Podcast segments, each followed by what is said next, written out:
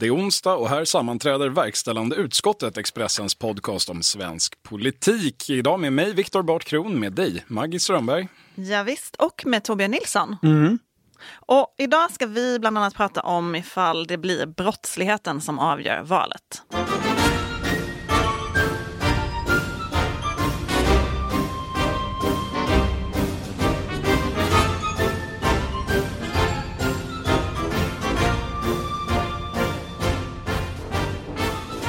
Ja, det ska vara ett brott den här hösten också, om man nu får uttrycka sig så. De senaste veckorna har präglats av det ena grova våldsbrottet efter det andra. Och eh, svallvågorna in i politiken har blivit allt tydligare, Maggie. Ja men precis. Jag tänkte faktiskt att vi skulle börja med en liten recap eftersom liksom saker flyter ihop. Bara så att vi eh, har lite liksom samma eh, koll på vad som har hänt.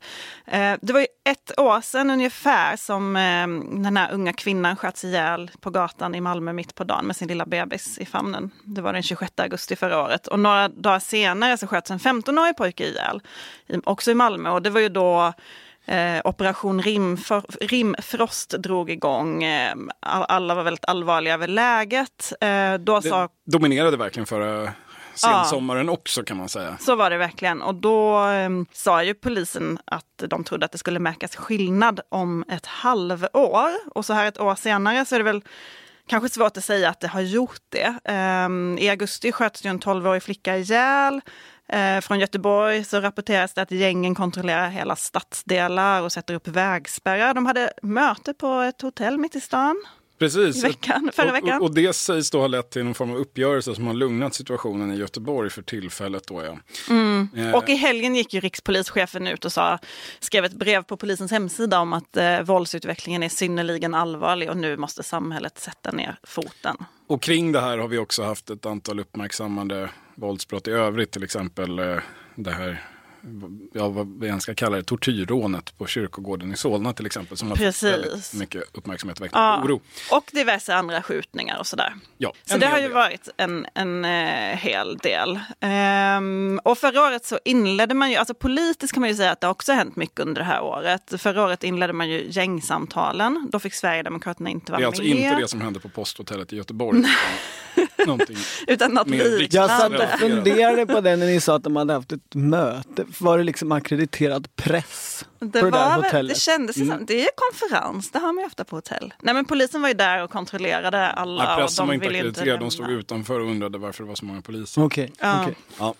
Som på en Ehm, gammal sverigedemokratisk kongress alltså. När pressen fick stå utanför. Ja. Ja.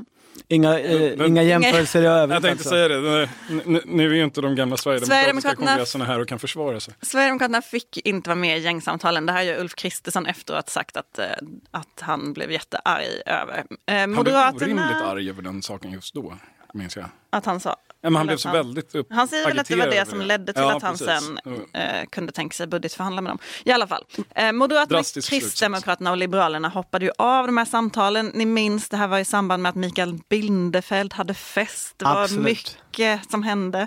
Eh, regeringen gick sen vidare med 34 punkter. Eh, och Vänsterpartiet hoppade väl också av samtalen förresten? Det låter sannolikt. Ja. Ehm, och sen så har regeringen sedan dess tillsatt en utredning för att skärpa straffen för olika brott kopplade till gängkriminalitet. Eh, Moderaterna har ju massa förslag som de pratar om hela tiden. Visitationszoner, eh, dubbla straff, hemlig avlyssning, eh, kriminalisera deltagande. Det kommer nytt varje dag. Och en sak som verkligen har fått fart på debatten ska vi säga, det är ju också det som hände i Danmark här för några veckor sedan när den svenska, eh, som går under mediebeteckningen i alla fall, Dödspatrullen, eh, ledarskapet i det eh, gänget som härrör från Stockholmsområdet, eh, dömdes för ett mord till väldigt skarpa straff efter en rättegång som, som var ganska annorlunda mot hur svenska rättegångar brukar se ut. Man, Ja, de här mm, personerna är runt 20 och de fick 20 år till livstid. Ja, och det här har ju då landat i, de yngsta var väl 17 när brottet begicks tror jag. Det där har ju också landat i diskussionen om att nu måste Sverige bli som Danmark. Ehm, Även Kristdemokraterna har kommit med mycket, liksom, det flyger förslag eh, fram och tillbaka. I, Senaste veckan känns det som lite aktion i ämnet. ja, Vem kan liksom trumfa över den andra? och igår kväll möttes Morgan Johansson och Johan Forssell i TV4 Nyheterna i debatt om detta. Den där debatten, alltså jag funderar lite på det här för att eftersom det flyger så mycket förslag eh, och det sen diskuteras lite så här, vad är det som verkligen hjälper och sådär. Det är lite lustigt att på andra politiska områden, särskilt typ ekonomi, så, så anses det alltid liksom positivt, till och med nästan ett krav att, att talespersoner har en liksom formell utbildning och erfarenhet av, av ämnet. Så verkar det inte vara på det här området. Eh, alltså varken Morgan Johansson eller Johan Forsell är gamla åklagare som vet liksom hur det är att försöka sätta dit buset på riktigt. Borde de inte vara det? Men är det inte ganska få politiska områden? Är det inte snarare finansministeriet som är undantaget? Jo, så skulle man kunna säga. Att eller att före. ska vara sjuksköterska. Till exempel. Nej, inte nödvändigtvis. Men eh, i vilket fall så eh, är det kompetens som saknas? Nej men för jag, tycker, jag tänker så här, det flyger upp förslag och ganska snabbt blir de nedskjutna med argumentationen det där hjälper inte. Eh, och det där funkar inte för det här är problemet eller och så är det något ytterligare problem. Liksom. Thomas Bodström satt i, i TV4s eh, morgonpanel i veckan och pratade om att han borde ha gjort mer under sin tid som justitieminister, särskilt eftersom han kom från advokathåll och borde förstått eh, mm. att saker som görs nu borde gjorts för många år sedan. Så jag vet inte, det verkar inte styrka din tes. Nej, kanske inte. Men vad tror ni då? Vad kommer hända nu i den här frågan? Kommer, vi liksom, kommer det fortsätta bli en, en eh, debatt om eh, dubbla straff eller vad som liksom hjälper? Ja, men det kommer det säkert. Jag, jag, tror att den här, eh, det här som hände i Danmark kommer att vara eh, på sikt ganska avgörande. För det är ganska intressant att se hur, eh, hur lik lite egentligen reaktioner har varit från svenskt håll, alltså från alltså landet Sverige, eh, som handlar om att det här är ett eh, groteskt eh, rättsövergrepp mot de här unga människorna. Det, det är ju i stort sett ett unisont jubel kring eh, att eh, här var bra danskarna som satte dit våra eh, gängkriminella. Det, det, det, och det, vi, det är ju också det lägger liksom svart på vitt att det går uppenbarligen att göra så här. Jag tror inte man ska underskatta effekten av något sånt just eftersom, som Torbjörn säger, så tidigare har det ju varit så att det läggs det ena förslaget efter det andra och sen så blir det en debatt som slutar i någon form av liksom västfronten 1916 där den juridiska sidan talar om att det här går inte, någon, eller det fungerar inte och så rinner det ut i någon utredning och så blir det inte särskilt mycket av det. Här är det uppenbart att här, hoppla, det här gick tydligen att göra i en rättsstat i Skandinavien. Och det Jag tror att det kommer att öka eh, trycket för, på, på, att, eh, på att få ganska dramatiska förändringar till stånd. Mm. Det, det, och det känns som att det ser man till entusiasmen, särskilt från den politiska högern, så är det väl ingen tvekan om att det, Nej, men det är ganska finns intress intressant det där du säger tycker jag om att man, eh, man hör ju ingen som protesterar. Det är väl politiskt omöjligt efter liksom, den här liksom, sensommaren som vi har sett att gå ut och säga någonting annat kanske just nu. Men, men eh, det var det ju även förra året om man tänker de där gängsamtalen. Då beskylldes ju Miljöpartiet väldigt mycket för stopp stoppa olika åtgärder men de ville ju aldrig riktigt själva vara ute och motivera det. Alltså det är, det är väldigt svårt men, för dem i det här landskapet. Men i debatten känns det ju som att det är lite annorlunda nu jämfört med förra året. Eh, Hur tänker du då? Jag tänker att, att det är ett annat tonläge från, från de som möjligtvis har varit mer skeptiska till liksom mer repressiva åtgärder och sådär och som helst bara talat förebyggande. Eller liksom vänster. Eh, i någon, i någon Aftonbladets ledarsida har ju, får man väl an, kalla det, svängt. Ja, precis. Anders Lindberg skrev ju för några dagar sedan att eh, kriminalpolitiken utgår från ett Sverige som inte längre finns. Och idag anklagade Jonna Sima Stefan Löfven för att sova på sina möten och inte se verkligen. även, även ETC har ju... Precis, deras eh, politiska chefredaktör, eller chefredaktör, eh, skrev ju en eh, ganska stort uppslagen ledartext där han ehm, eh, i princip försökte tala om för sina fellow vänstermänniskor att nu får ni sluta eh, debattera vad Hanif Bali eventuellt har twittrat när folk eh, utsätts för grova våldsbrott. Vänstern måste liksom adressera problemet, inte bara metadebatten. Mm. Eh, som också blev ganska delad. Så det, absolut, det har, det har hänt något där. Men och även en sån som PM Nilsson som skrev en väldigt outspoken ledartext om att eh, det liksom är migrationen det här handlar om. Vi måste liksom erkänna det, man måste kunna ta i den frågan. Och Ja men på alla håll så har det liksom blivit, jag vet inte. båda sidor, höger och vänster om det fortfarande existerar, liksom erkänner detta som det största problemet på ett annat sätt och i andra ton, ordalag och tonläge än för ett år sedan. Och det tänker jag tala för eh, när du liksom att det här kommer inte gå att undvika i nästa valrörelse. Eh, men handlar inte det också om att, så här, det, det, apropå det här med straffsatspingisen mellan Johan Forssell och, och Morgan Johansson, det, den är ju kanske inte egentligen vad det här handlar om i grunden. Alltså brottsligheten, alla begriper ju att brottslighet är symptom på någonting, alltså på ett samhälle som inte mår bra, om man ser en negativ utveckling av våldsbrottslighet. Eh, vare sig du står längst till vänster eller längst till höger så är du någonstans enig om att så här, brottslighet rotar sig i sociala problem. Okej. Okay. Eh, vad, vad, söker vi orsaken här? Då? Vad är egentligen en förebyggande åtgärd? Det här blir lite filosofiskt men jag tror att det är ganska viktigt för att liksom ändå förstå hur den här debatten kommer ta vägen. Då, det är lätt att diskussionen om de förebyggande åtgärderna stannar vid liksom extra resurspersonal i skolan eller eh, starkt socialtjänst. Men det där handlar ju om det sista steget. Det är ju när problemet redan finns. Politikens syfte är väl att skapa ett samhälle där eh, så få människor som möjligt hamnar i problem. Och då om man följer hela kedjan av orsak och verkan tillbaka så tycker jag att det är ganska enigt egentligen. Vad, vad beror brottslighet på? Ja, det beror på sociala problem. Ja, men det är alla med. Vad beror sociala problem på? Ja, ekonomisk och social utsatthet. I stort sett alla är med på det också. Vad beror det på? Ja, men klyftor i samhället som har vuxit över tid. Alla är med. Vad beror klyftorna på då? Det här skiljer sig. Precis. Och här kommer vi till vänster och höger. För liksom grund, vad, vad liksom the, the root cause?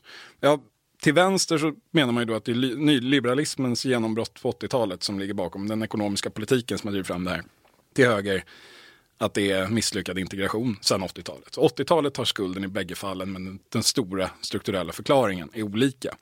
Och liksom där någonstans, och då, och då landar ju liksom brottsligheten ner i den vanliga politiken. Ja, men det är en ganska lång, det, det där är alltid där är sant. Frågan är om, om partierna lyckas ta liksom gängkriminalitetsdebatten i valrörelse till det där. För Jag det där är ju där de det. egentligen har, har sina svar. Ja, men jag tror att, jag tror att vare sig partierna klarar finns. det eller inte så gör väljarna det. Därför tror jag inte man ska stirra sig blind på vem vann debatten mellan Morgan Johansson och Johan Forssell. Utan liksom den, det här blir mera eh, en slags brus som, som signalerar en samhällsutveckling och det gäller liksom att kunna förklara samhällsutvecklingen bäst och erbjuda lösning som folk tror Men om på. man ser förra året, så, det var ju då Agenda hade den här väldigt uppmärksammade intervjun med Stefan Löfven kring just orsakerna.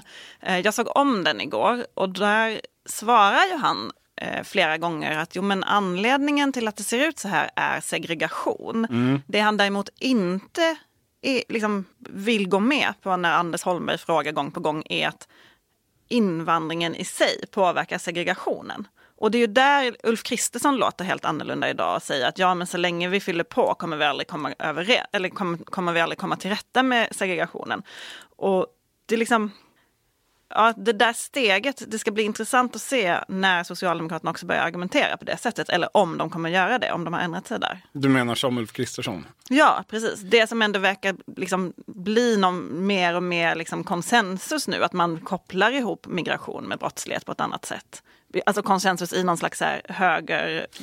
Ja, men för hela Då den... säger jag PM Nilsson och Ulf Ja. Kristersson är konsensus. Men hela, för hela den linjen gör ju att eh, gängkriminalitetsdebatten politiskt landar ner i en debatt om har vi skärpt migrationspolitiken tillräckligt mycket eh, eller inte. Där, där är ju frågan idag.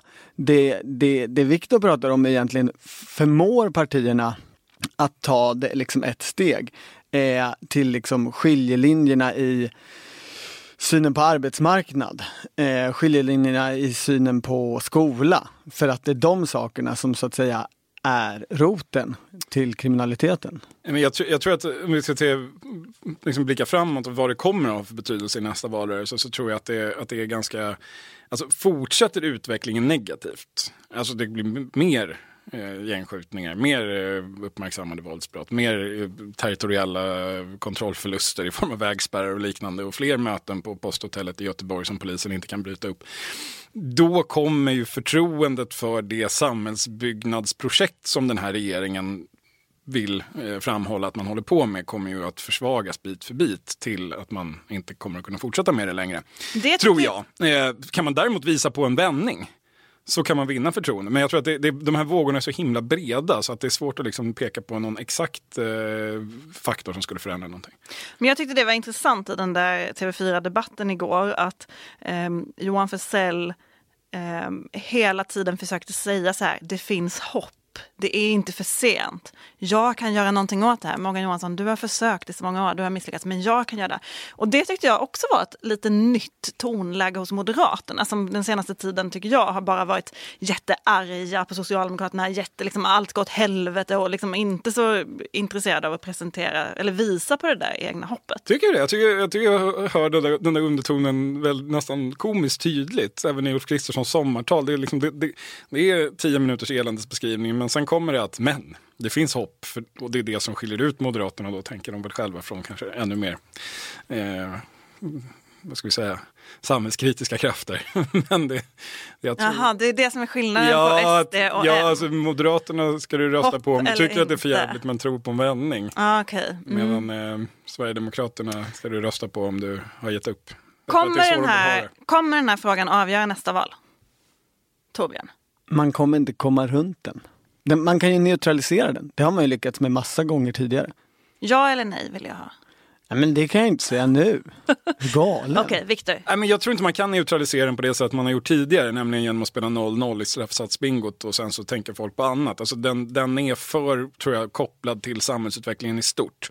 Så på det sättet så kommer den avgöra nästa val. Inte specifikt att folk kommer svara att lag och ordning var det som fick mig att rösta på Centern. Det kanske ingen gör ändå, men eh, utan snarare ser jag att det här samhället rör sig i en riktning som jag tror på, eller gör jag inte det? Och där spelar den en viktig roll, så kan vi säga. Så, eh, I någon slags eh, regeringsförmåga att liksom styra landet? Ja, men det kommer så. vara ganska uppenbart i nästa val att det finns en sida som står för den nuvarande inriktningen och en som är väldigt kritisk till den. Eh, på ett sätt som det inte riktigt var senast. Eh, och då det är klart att... Eh, Vänta, stå för den nuvarande inriktningen, tycker att det är bra med våld? Nej, men det, det sättet att försöka jobba med de här frågorna. CSRD. Ännu en förkortning som väcker känslor hos företagare. Men lugn, våra rådgivare här på PWC har koll på det som din verksamhet berörs av. Från hållbarhetslösningar och nya regelverk till affärsutveckling och ansvarsfulla AI-strategier. Välkommen till PWC. Just nu pågår vår stora season sale med fantastiska priser på möbler och inredning. Passa på att fynda till hemmets alla rum, inne som ute, senast den 6 maj. Gör dig redo för sommar. Välkommen till Mio. Mm -hmm. emot våld. Ja. Eh, men, men efter åtta år med samma regering så är det klart att då kommer ju folk att börja fundera på, är den här regeringens recept ett recept som fungerar? Mm. Eh, kan man visa på en vändning, kan man visa på positiva resultat, ja då kan det ju snarare bli en fråga som talar för dem. Okej, men Maggie, vad tror du? Kommer det avgöra valet? Har vi rätt eller fel? Det, jag tycker det är svårt att säga, men jag tror att man ska ändå inte underskatta eh, Socialdemokraternas möjlighet att neutralisera frågor när de liksom är medvetna om de två år före ett val. De brukar kunna vara duktiga på det. Ja, det här är en podd från Expressens politikredaktion och vi gör ju mycket mer än bara den, tror det eller ej. Vill du ta del av allt så är det en mycket god idé att bli så kallad premiummedlem på Expressen. Då kan du läsa allt från oss, eh, både gammalt och nytt och det är väldigt, väldigt prisvärt. Eh, gå in på expressen.se Expressen politik för att ta del av vårt specialerbjudande. Då betalar du bara 29 kronor i månaden i ett halvår därefter. Ordinarie pris 69 kronor i månaden och det är ju faktiskt inte jättemycket det heller. Häng med oss, få vårt nyhetsbrev och mycket mer därtill. Expressen.se Expressen politik. Det har ju pågått budgetförhandlingar och igår rapporterade Dagens Industri att de var klara ungefär, i alla fall med siffrorna. Eh, det är en ovanligt expansiv budget där Magdalena Andersson ju presenterat sedan tidigare. 100 miljarder ska man satsa. Eh, Torbjörn, vad tänker du om detta? Ja, jag har faktiskt inte riktigt hämtat mig eh, från det här att Assa Lindbeck har dött. Och att han gjorde det dagen efter Magdalena Andersson presenterade den här faktiskt historiska supersatsningen. Eh, superexpansiva budgeten. Insinuerar du ett samband? Nej men det är ju som försynen måste haft ett finger med i spelet. Liksom, Assa Lindbeck som är liksom bron från de Keynes, stora svenska keynesianska nationalekonomerna över till liksom hela marknads, eh, den marknadsliberalistiska omfamningen och personen som liksom Ja, men han personifierar ju liksom 40-50 år av rörelse från vänster till höger i den svenska ekonomiska politiken. Om vi bara all, i all korthet håll, bara, bara försöker ändå ta med lite enklare ord. Vem är Assa Lindbeck? Vad har han gjort? Eh, Assa Lindbeck, ja men, ja men jag kan börja i den här änden. Alltså i många I andra, korthet. i, i många andra länder så har ju liksom nationalekonomer inte alls det inflytande i politiken som de har i Sverige. Och det tänker jag är den första grejen. Eh, alltså jag tror att det har att göra med att på liksom 30 och 40-talet så hade Sverige några ex, en grupp extremt eh, framstående eh, nationalekonomer, den så kallade Stockholmsskolan. Byggde egentligen på en gammal gubbe som hette Knut Wicksell och sen kom så här storheter som Gunnar Myrdal, Bertil Ohlin, eh, Erik Lundberg, eh, Karin Kock. Alla de där blev jättestora för sina teoretiska arbeten i liksom, och drev fram keynesianismen. Hela rörelsen mot att tänka att staten kan liksom fixa konjunkturproblem, staten kan... Ja men hela välfärdsstatsbygget i västvärlden byggde ju på de där ekonomiska tankarna. Alla de ekonomerna blev vartefter typ politiker. Bertil Ohlin blev partiledare, eh, Myrdal, Gunnar blev ju statsråd och massa andra poster. Eh, Karin Kock blev också statsråd. Eh, några av de andra, Alf Johansson och vad de hette, blev liksom tunga generaldirektörer och sådär. Och sen kom nästa generation, Assar Lindbeck. Det är en generation med en man. Så stor, så stor liksom var han. Det han gjorde var att han fortsatte vara liksom debattör och påverkare i politiken. Samtidigt som han byggde upp liksom en hel skola eh, för att fostra nya stora nationalekonomer. Typ alla som sen liksom har haft påverkan på svensk debatt. Lars Calmfors, Harry Flam, alltså till och med han, eh, liksom mediernas och moderaternas nya favorit, John Hassler. Alla de är barn till Assa Lindbeck.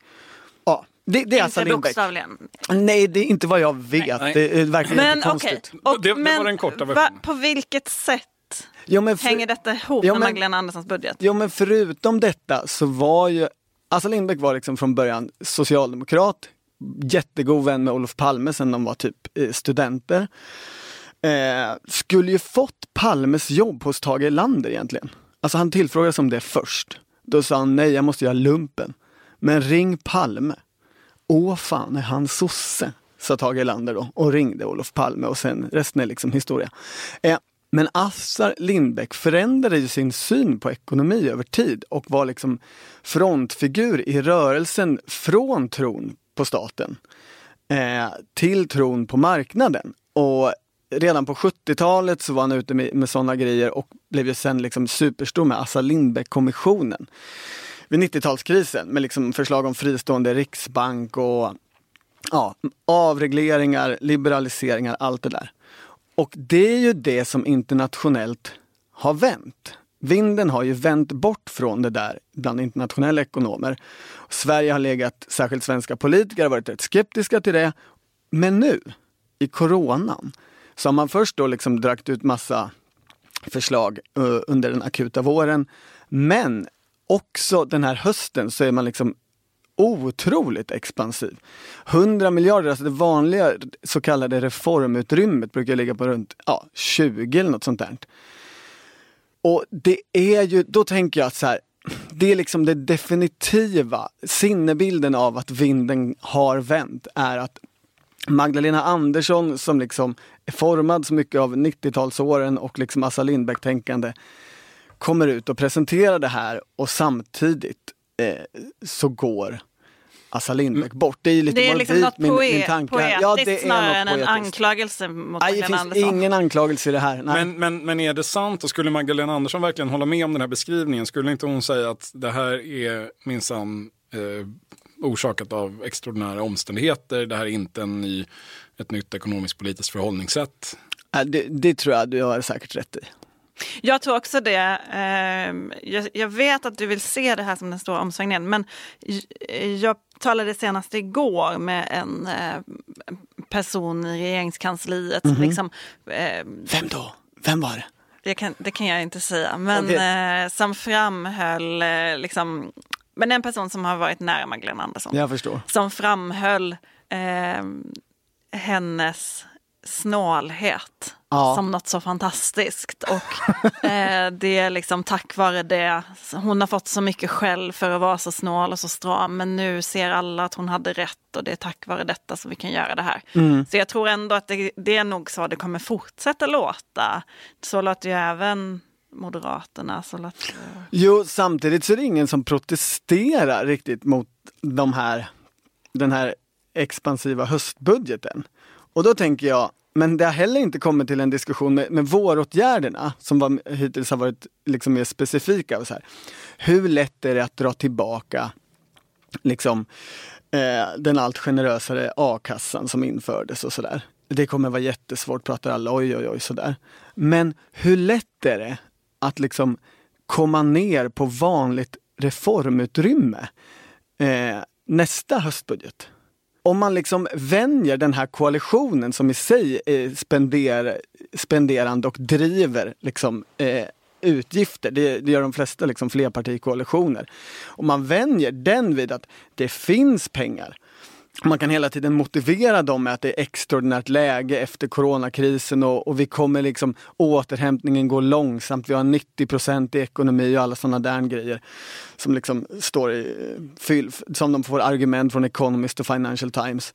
Eh, vi måste spendera mer. Då kommer ju, tänker jag, det här var den stora svåra coronaåtgärden att så att säga reversera, att komma tillbaks till vad som var normalt innan är, om man inte då säger nu har vi spenderat så här mycket pengar, nu är det dags att strama åt. Ja, nu men då, kom, då kommer motargumentet att så här, skuldankaret har liksom höjts men vi ligger långt ifrån alla andra länder fortfarande med skuldankare. Jag tänker just vad koalitionen beträffar så kan man väl ändå kanske tänka sig att januariavtalet kan vara en positiv faktor för dem på det sättet. Därför att det var ju skrivet ur ett mycket mindre reformutrymme. Ja. Alltså i, i en prognos om att det skulle, man skulle, det skulle vara mycket mindre möjlighet att göra saker. Så det blir ju så att alla kan ju bara på den här hösten efter Mm. fyra år komma, komma tillbaka till sina partier och sina väljare och säga titta vi fick ut minsann ännu mycket mer än vad vi faktiskt kom överens om i januariavtalet. Vi har vunnit förhandlingen. Om de håller fast vid januariavtalet så, blir, så är det snålare. Men jag tror att januariavtalet ryker iväg med de här 100 miljarderna och ett antal miljarder till som kommer komma. Ja, ett sammanträde i det verkställande utskottet innehåller alltid punkten övriga frågor. Idag har vi en hel del. Det är ju så att Annie Lööf har gjort comeback. Har ni noterat det? Det pratade vi hela veck, förra veckan om. Hon har ju varit en del i medierna. Jag tänkte det. Vi, vi, har ju, vi pratade visserligen om det i podden, men sen har det varit lite svårt att undgå. Ja, hon har haft Det- hektiska dygn efter vår Det har senaste varit podd. den kanske mest intensiva mediekampanjen eh, i svensk politik ett mellanvalår någonsin. Hur som helst, förra veckan så pratade vi om det här och vi spådde då att eh, att de kanske skulle komma tillbaka som en förändrad politiker, att det kanske signalerar en ny riktning för Centern. Ja. Jag, jag kan ta på mig det här, det var jag som sa det, jag hade fel. Det var exakt samma Annie Lööf som kom tillbaka i, som eh, en trofast januarisamarbetsmedlem med sänkta arbetsgivaravgifter på agendan. Hon, eh, jag träffade henne i måndags och Det intervjuade henne i Expressens fem dagar om framtiden. Och då sa hon till och med det precis innan intervjun. Då sa hon, det är så skönt att vara tillbaka, det är som att ingenting har hänt sen jag gick. Det har det ju ändå får man säga. Men, men inte med henne. Men det var Nej. liksom roligt. Eh, jag hörde också henne i P4 Extra där hon sa att hon hade detta är inte ett exakt citat, men typ skrattat gott åt alla eh, tankar om att hon skulle komma tillbaka som konservativ eller vänster eller annat. Hon vill fortfarande avskaffa jantelagen. Ja. Det är det viktigaste som finns. Det, Det är tryggt på något sätt. känns jättetryggt. Träffade Martin Ådahl i riksdagen igår och han, det första jag frågade hur är läget, han sa bra, vi ska reformera arbetsrätten. Så, liksom, då kände jag att alla är som, precis som de brukar vara. Centern står där de står, gott så. Eh, Tobin, du hade något du ville ta upp på övriga frågor. Ja, jag vill prata om fenomenet Hartsfields Landing. Vad är det? Det är ju ett avsnitt i den 20 år gamla tv-serien West Wing. Och de ska nu göra comeback genom att spela upp det här avsnittet på en teater, om jag förstår Aha. saken rätt. Li- Live-tv? Ja, typ. Jag har inte riktigt fattat. För, för det har varit många diskussioner om de ska göra en helt ny säsong också. Men det verkar ha runnit ut Men sanden. visst är det någon som har dött i den gamla I, i, i, i skådespelare... Nej. Eller? Jo, men det, det gjorde han under, under att det Jaha, pågick. okej. Ja, Det var så länge sedan. Eh, Det var en tid då West Wing påverkade allt eh, politiker och politikintresserade gjorde. Kommer det bli så igen? eh, nej, det tror jag inte. Utan, jag tänker mig så här, är det här liksom räddningen i, i trumpismens mörka era, som en del tycker? Eh, eller kommer det visa sig att liksom Aaron Sorkin går fullständigt, alltså det är han som skriver eh, manus, går fullständigt liksom pekoral. Vilket ju Det- ligger i farans det- riktning med Aron ska man Sorkin väl- ändå. ja, det tror Hur jag är en, fantastisk eh, han än är. Förutsägelse som är mer eh, trolig att den blir sann än den där om Annie Lööf. Vad säger du Viktor? Ja, alltså, det, jag har ju faktiskt inte sett eh, Vita huset eller West Wing. Eh, Aldrig någonsin. Nej, eh, något enstaka så här, som har flimrat förbi på SVT. Jag vet, det här be- Men väcker ofta oerhört alltså, starka Du känslor. skriver ju om politik. Ja, jag vet, men jag är... Det, jag tror jag, säger, jag var lite för ung när det kom. Jag var 14 eh, när, när det där började sändas och då hade jag annat för mig. Ehm, åtminstone delvis. Sen eh, liksom lite senare så kände jag väl att det här borde man ju se men så fick jag också en väldigt så här, en hög tröskel för jag tyckte att de som verkade mest fascinerade av det här var ofta de som var de jobbigaste typerna i liksom den här politiska världen. Sådana som Torbjörn. Ja, men det, jag säger, det, det här kränker säkert många. Det var, det var bara en känsla jag hade då. Alltså, då, då, blev, då blev den där boxen som, eh, som en kollega försökte låna ut till men den blev så oöverstigligt stor. Jag kommer aldrig just för det. att börja. Så, så, Och nu finns inte DVD längre så nu kommer det aldrig gå. Nej precis, jätteskönt. Ja. Eh, Men eh, var du en sån som istället kollade på House of Cards och tyckte att lite det grann. var din liksom, politiska Jag föredrar nog verkligheten tror jag. Ja. Mm. Jag, jag förstår. Ja, sista punkten. I eh, nästa vecka är det så är det dags för riksdagens högtidliga öppnande Maggie. Fast Mm. det blir inte riktigt lika högtidligt som det högtidligen brukar vara. Eller? Nej men precis, jag satt här i morse och funderade på, kommer kungen? För han måste ju öppna riksmötet men eh, han har ju varit i karantän. Han är tillbaka. Jag såg det på Aha, han Instagram. är det? Ja. Okej, för jag ringde hovet för att fråga som den journalist jag är. Ja, jag, kollar, var, jag kollar på Instagram Alltså. som den journalist jag är. det, var det, var det var ett konstigt samtal för att eh, jag vis, vi viskade både jag och pressen. Det var som att det var något när man ringer till var havet. hemligt, eller vadå? Nej men alltså det var som att det blev, jag vet inte om det var jag eller han, men vi började liksom, vi talade på ett mer högtidligt sätt eh, och i viskande ton. Men kungen kommer, Ja, men- eh, som vanligt, tillsammans med drottningen, men ingen annan från kungafamiljen kommer. Det har ju varit bråk i riksdagen om det där. Ja, i, har jag hört. Mhm. Jag, jag ställde inte mycket följdfrågor men jag har hört från flera håll att olika människor i olika partier varit eh, mycket upprörda över vad det sänder för signaler att kungen som ändå är riskgrupp ålder Mhm. är, är, är bland folk på det sättet. Men Eh, kan men man jag är inte superintresserad av det där så jag ställde aldrig riktigt så mycket följdfrågor. Kan man konstitutionellt öppna riksmötet via Zoom? Eh, Jag vet Jag vet inte, inte jag tror inte det står i grundlagen. Måste Nej. vara fysiskt Men på plats. i alla fall, jag tänkte berätta för er mer vad som händer nästa vecka så att ni vet om ni ska gå eller inte. Det blir inget mingel i sammanbindningsbanan. Då går vi inte. Nej. Det blir ingen konsert i Konserthuset. Regeringsförklaringen kommer inte att delas ut på papper. Alltså, hur mycket du än föredrar verkligheten Viktor, så den här verkligheten, den kan man inte föredra. 100, Nej, bara Vita huset istället, 190 tror jag. ledamöter av 349 kommer vara på plats. Eh, Det kommer inte vara lika många diplomater på plats. Det kommer inte vara ni vet, de här myndighetscheferna, gamla partiledarna. Man kommer inte kunna kolla upp på läktaren och bara vem sitter bredvid vem? Vem hälsar på vem? Nej, Utan det blir ett Nej, det är för lite- deppigt faktiskt. Eh, Så kommer det vara. Mm. I alla fall. Men, eh, men kungen kommer. Jo, men jag såg, han, han har installerat sig på Stockholms slott igen. Såg Okej. jag nämligen. Eh, han har brutit karantänen. Det, det kände, jag kände att nu är coronakrisen. Det går kanske att hålla distans även där. Ganska många rum på slottet. Ja.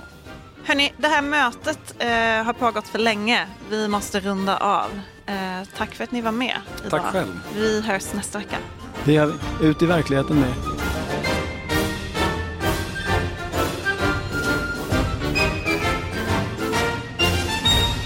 Du har lyssnat på en podcast från Expressen. Ansvarig utgivare är Klas Granström. Hej, Synoptik här.